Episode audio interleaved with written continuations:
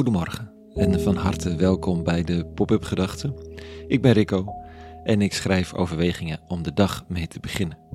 Vandaag met de titel Niet voor of achteruit. Pop-up Gedachten donderdag 6 juli 2023.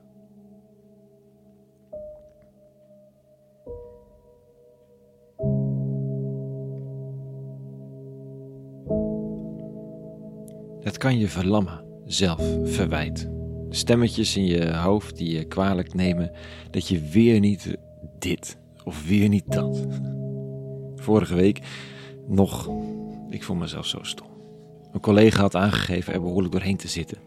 En ik herinnerde me een gesprek met diegene vier maanden geleden over echt wel een concrete shit situatie. En ik nam mezelf voor diegene daar niet alleen mee te laten zitten. Vier maanden later constateer ik dat ik het zo'n beetje was. Vergeten. Tot ik haar hoor zeggen dat het best een beetje een pittige periode is en ze de handen vol heeft aan persoonlijke omstandigheden. Ik kan mezelf al voor de kop slaan. En ik doe dat dan ook. Niet letterlijk, maar wel echt wel behoorlijk figuurlijk. Het kan snel gaan. Zo'n zelfverwijt leidt tot reflectieve vragen. En als je jezelf al eventueel niet zo lekker in zit, ga je zomaar je afvragen of je wel op je plek zit. Als je dit al vergeet, wat ben je nou voor een sukkel? Moet je eigenlijk niet je afvragen of je wel geschikt bent voor de job?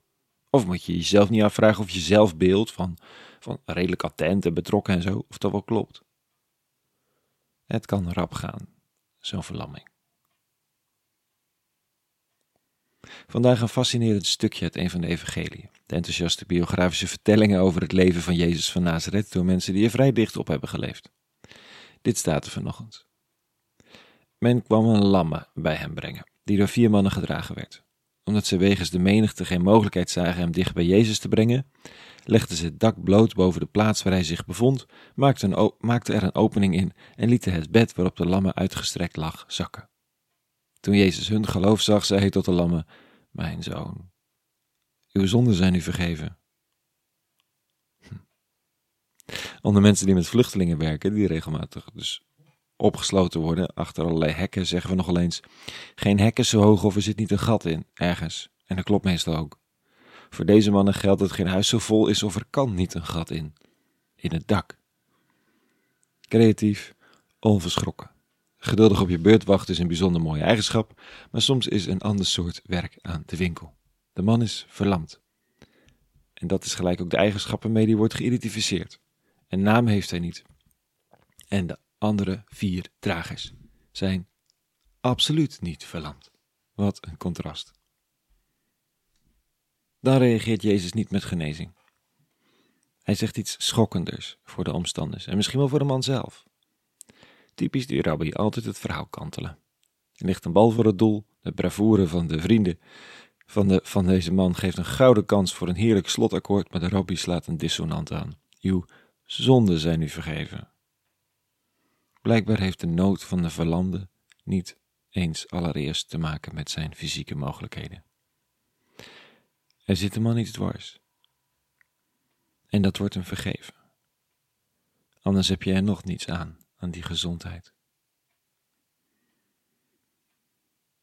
Er is iets met vergeving van, van, van, van alles als je het gelooft dat een mens diep gelukkig maakt.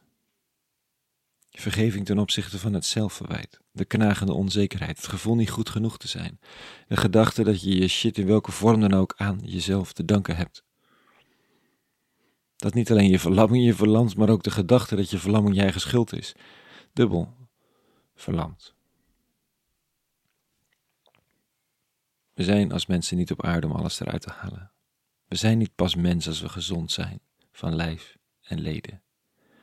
Menswording ligt ergens anders en het heeft iets te maken met vergeving en bevrijding. Niet het goed hoeven doen, maar bevrijd worden van het juk van het goed moeten doen. Daar begint ergens christendom en spiritualiteit. Oh, en verder is dit verhaal ook gewoon een uitdaging aan de rest van de religieuze leiders. Want alleen in de tempel worden zonden vergeven, dat is het algemene besef. Met offers, met priesters, rituelen en zegen. Nou, zegt de rabbi vanaf nu, dus eh, niet meer. Ook hier onder ons, door mij, wordt schuld en schuldgevoel en zelfverwijt en zonde, ja. Vergeven. En nu vervolgens ook heel graag door jullie. Tot zover. Tot zover vandaag. Op een ontspannen, vergeven donderdag dan maar. Meer pop-up gedachten te vinden op www.popupgedachten.nl. Je kunt er je ook abonneren. En voor nu. En vooral. Vrede gewenst. En alle goeds.